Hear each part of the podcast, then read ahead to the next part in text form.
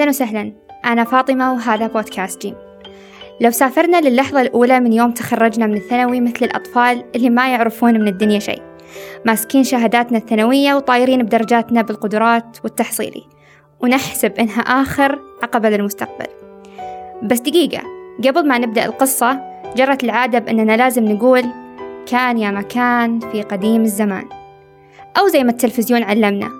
زور ابن الزرزور اللي ما عمره كذب ولا حلف زور. ونختمها بشر تعدانا وتعداكم. ومن هنا فعلا تبدأ القصة. من لما قررت تختار تخصصك. تذكرون كم شخص قال لكم من جدك؟ تدخل هالتخصص؟ تراه غير مطلوب في السوق.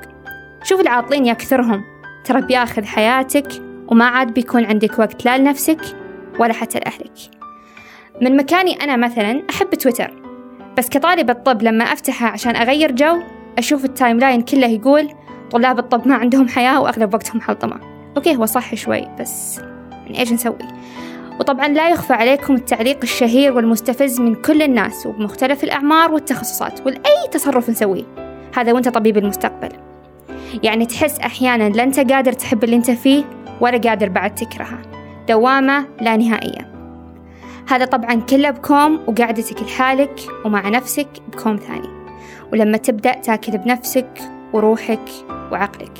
بالأسئلة طبعا. هل أنا بالمكان الصحيح؟ كل هالتعب أكواب القهوة السهر في وسط حفلة بكاء أحيانا أو خلونا نقول غالبا. وما أحكي لكم عن الهالات السوداء.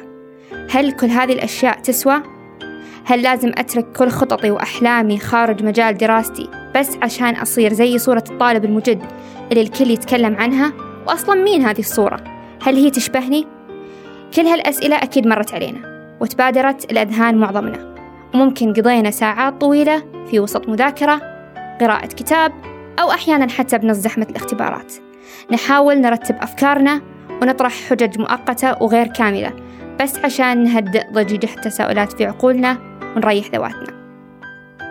أسئلة كثيرة ضياع وضغط ويمكن حتى أفكار خاطئة أصلا.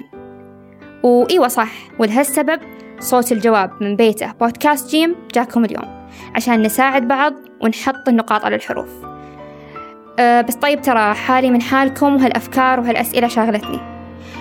اليوم بنعطي فرصة لنفسنا اللي تتسلل ليلة اختبار ال final وتفتح أوراق التساؤلات الطويلة ودوامات الحيرة اللانهائية إنها تروح في رحلة مع ضيف عزيز علينا وعلى الجميع وتاخذ فرصتها في الحصول على أجوبة لجميع هذه التساؤلات اللي سواء تخصنا كطلاب طب أو لكل طالب أرهقته كثرتها. دكتور نايف الحمام وكيل كلية الطب للتطوير والشراكة المجتمعية بجامعة الملك فيصل والمشرف العام على المجلس الطلابي الطبي واستشاري جراحة العظام والإصابات الرياضية زي ما كان دايما مرشد لنا اليوم بعد بيرشدنا للنقطة اللي تريح بالنا. ويمكن تخلينا ننتقل إلى مستوى آخر من الأسئلة بس الأكيد إنه بيساعدنا عشان نجاوب على كل اللي بخاطرنا. أهلا وسهلا فيك دكتور وحياك الله. حياكم الله. أنا سعيد جدا بتواجدي معكم اليوم في بودكاست جيم. أتوقع أنها نقلة نوعية للمجلس الطلابي بكلية الطب بجامعة الملك فيصل. سعيد جدا وأتمنى أني أجاوب على كثير من الأسئلة اليوم. طيب بس ببدأ بالسؤال اللي يكون من أكثر الأسئلة اللي تتبادر لبالي وهو أن جزء من حديثنا عن ذواتنا هو ذكرنا لتخصصاتنا سواء كنا طلاب أو على رأس العمل. وطبعا أنا ما أقول أن هذا الشيء خطأ أنا حتى بدأت الحلقة بقولي طالب الطب. بس لأن بكل بساطة يعني تخصصاتنا تشكل جزء من ذواتنا بس النقطة والسؤال هو هل هذا الموضوع تغير وصرنا جزء من الطب وما نقدر نعرف أنفسنا بدون الطب؟ يعني على سبيل المثال لو أنا قلت لك دكتور نايف تقدر تعرف أو كيف تقدر تعرف عن نفسك كنايف الحمام بدون الطب؟ آه للتعريف آه عن نايف طبعا آه أنا أتوقع أن هذا الإجابة حتكون آه قريبة جدا لكثير من زملائي وأخواني الأطباء. آه في النهاية الطبيب هو إنسان آه لديه آه كثير من الهوايات ومشاغل الحياة المختلفة التي تخلي الشخص ينشغل فيها بالإضافة إلى الطب. لكن للإجابة بشكل دقيق عن هذه عن هذا السؤال أنا أتوقع أنه نايف هو ابن المملكة. يسعى دائما لتطوير نفسه وتطوير عمله وتطوير حياته. طبعا التطوير له مجالات عدة سواء كانت في الحياة الشخصية أو في الحياة العملية. جميل جدا. آه طيب آه ما ندري إحنا صراحة عن الكليات الثانية لكننا إحنا في كلية الطب نبدأ مثلا ندف عجلة التنمية وعيوننا مليانة نوم غالبا. من صباح ربي تقريبا على الساعة سبعة ونص. لكن سمعنا طراطيش كلام عن lifestyle أنت تتبعه وأظن اسمه 5 AM فهل تقدر تحكينا عنه ولا هو سر غير قابل للنشر؟ آه لا هذا 5 اي ام هو عبارة عن آه فلسفة آه يقوم فيها أحد الكتاب الشهيرين وهو روبن شارما وأتوقع أن لي يمكن تقريبا تسع إلى عشر سنوات أمارس هذه الفلسفة وأظن أنها ناجحة بشكل كبير.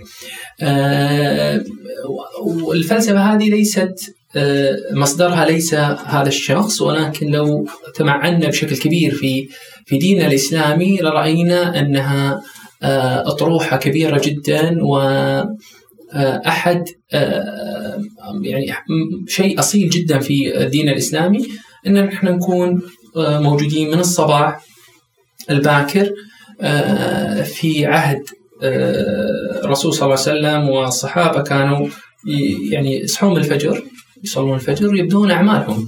إحنا لا نصحى الفجر ونصلي الفجر ونرجع ننام. فهنا المسألة مختلفة.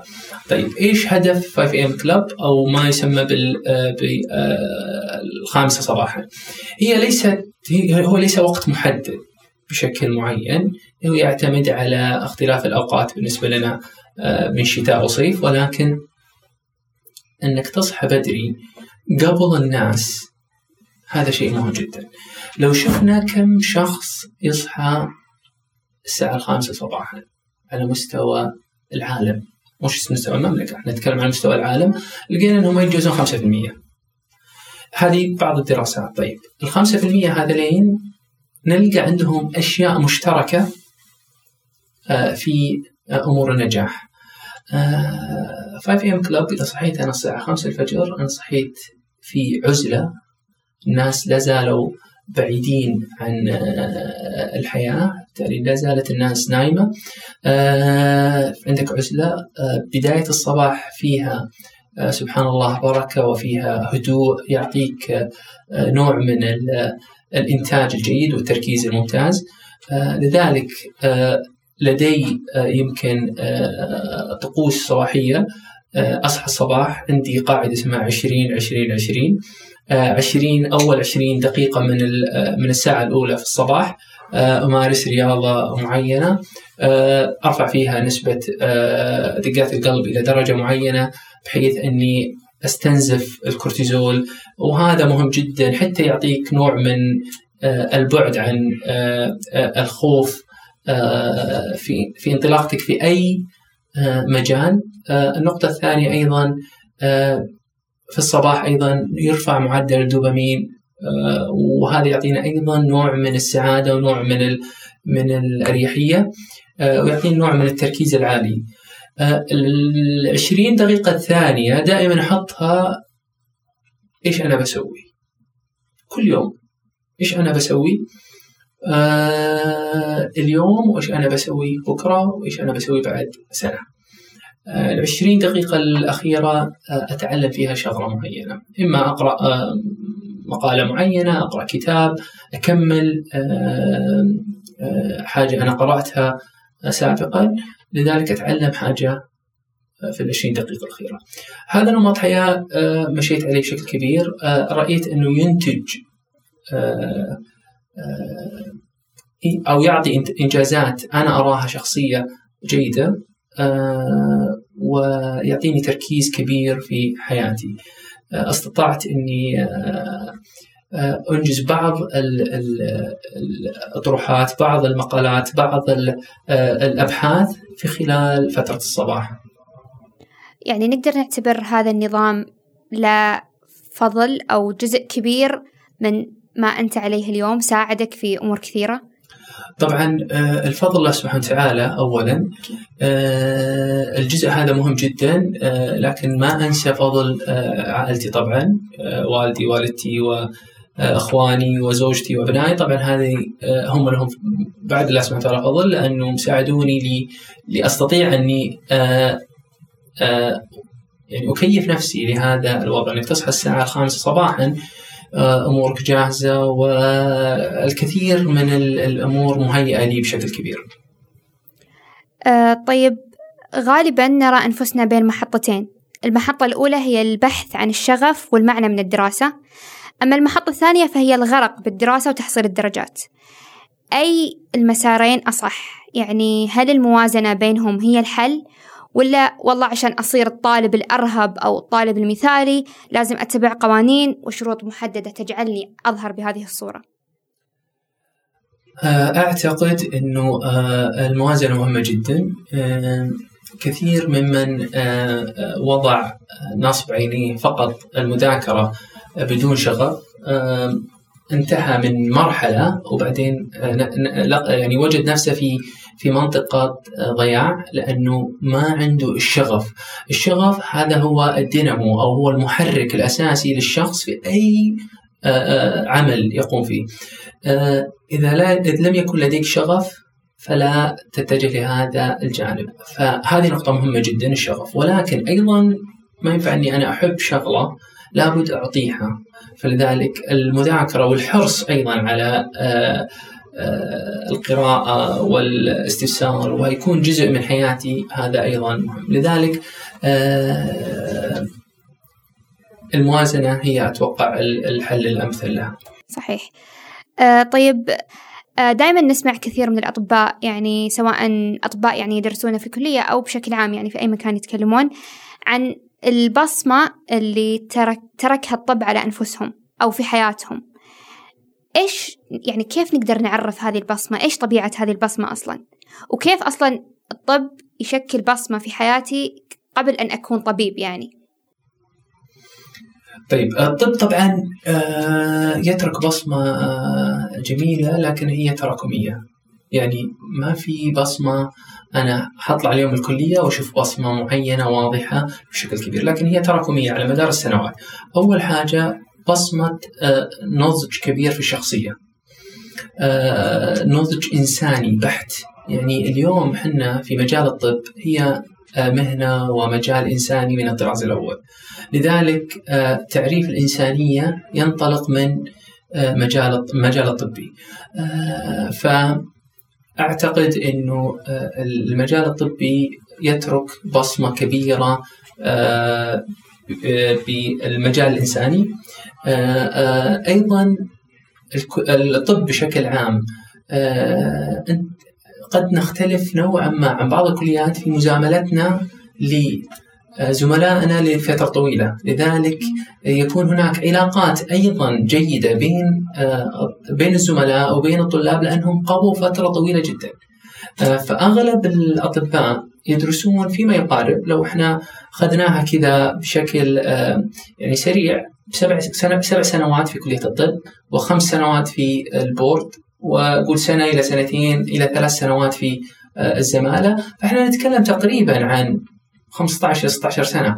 طيب 16 سنة مزامله بعض الأشخاص اللي ممكن يكونون آه، آه، زملائنا في نفس المجال هذا من 15 سنة يتحولون إلى إخوة ويتحولون. ذلك أيضا هذه بصمة تترك لدينا إخوة آه، في المجال.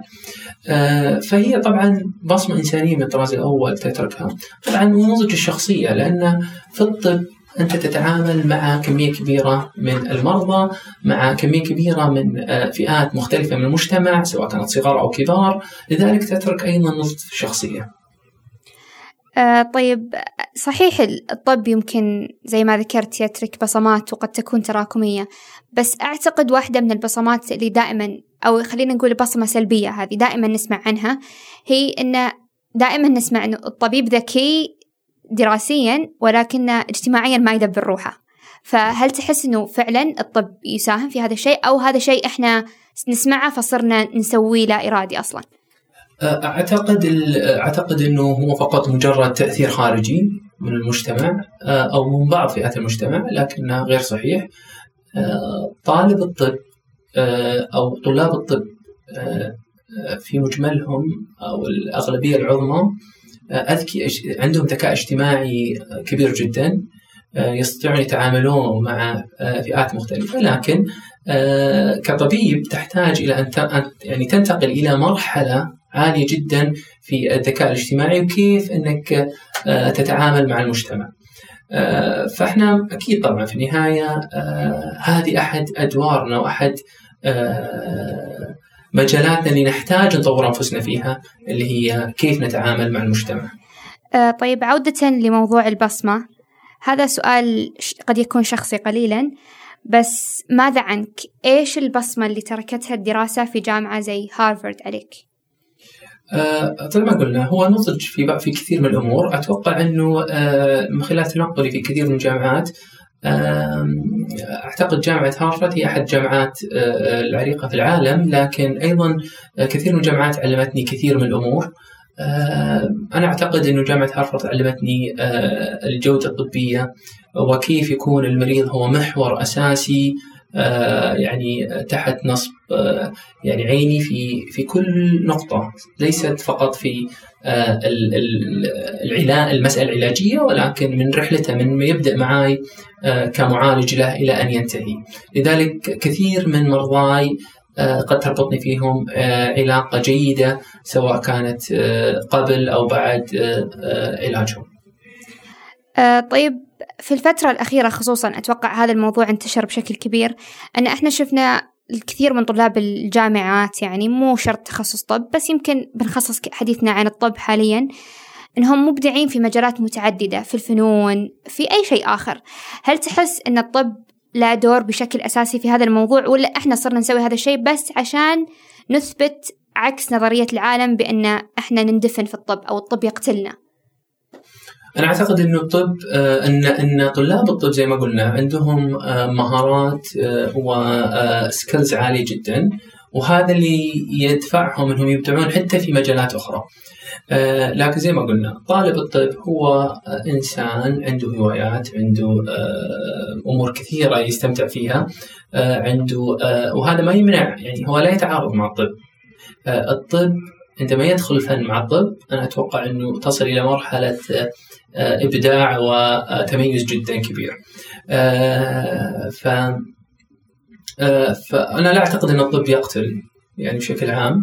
أنا أعتقد الطب إذا أخذ بشكل بشغف وطموح أتوقع أنه حيكون هو يعني نبض الشخص في في حياته. رائع جدا.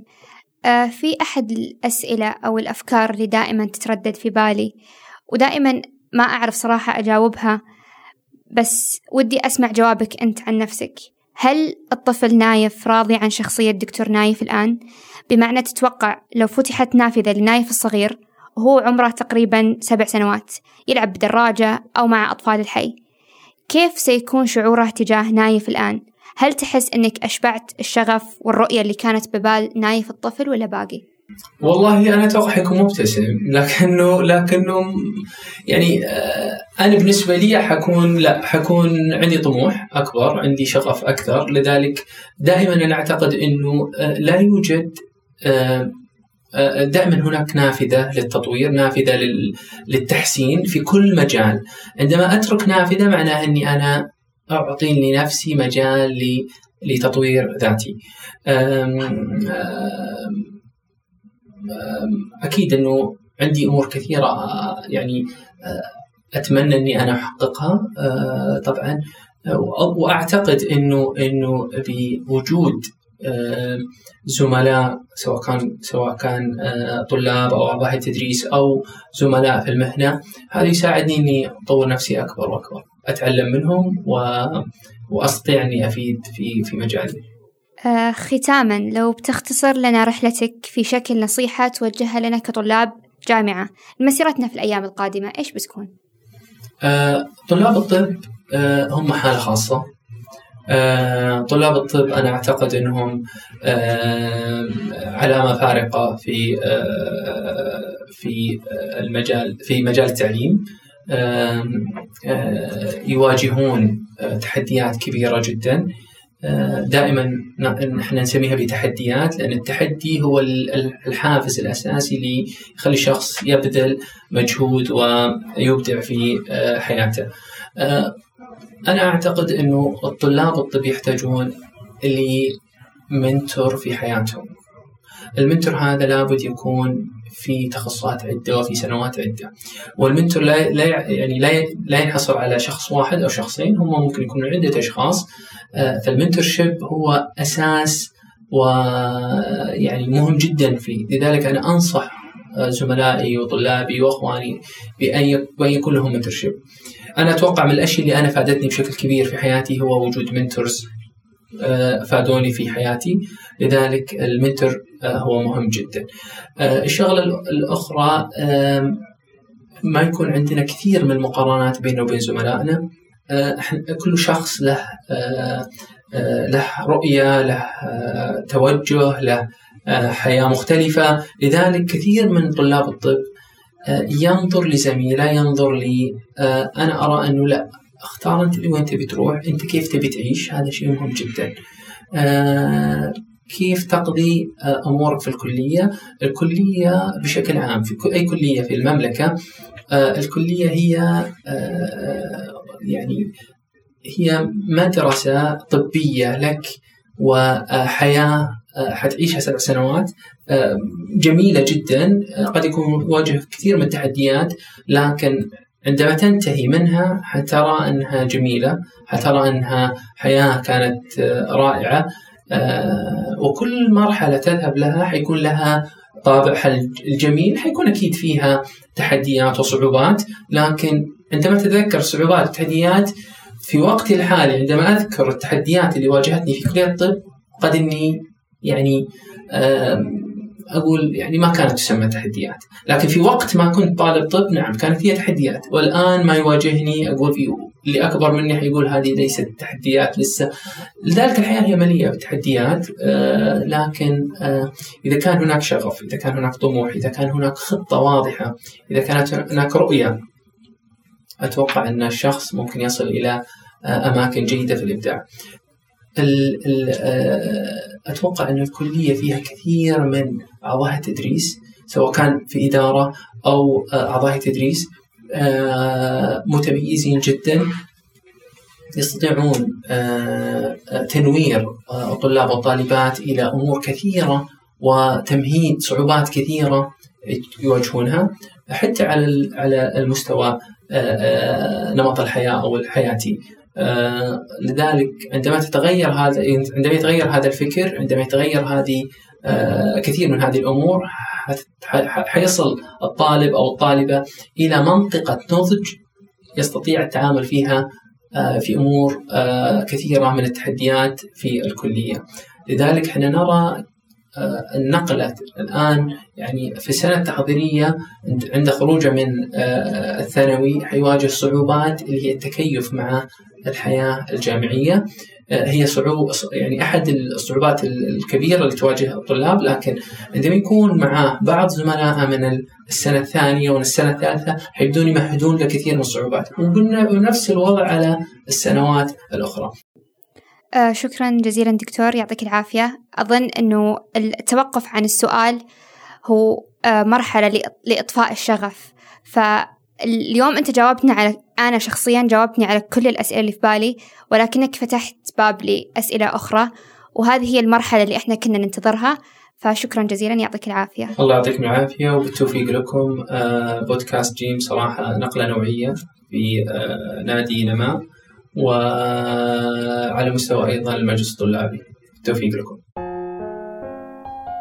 أعتقد تحولت تساؤلاتنا لأفكار واضحة والشكر للدكتور نايف اللي أشبع فضولنا.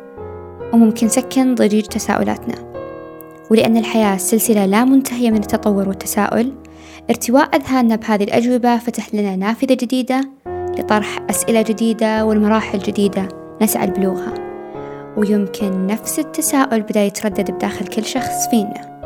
هل الطفل اللي بداخلنا راضي عن العتبة اللي واقفين عليها الحين؟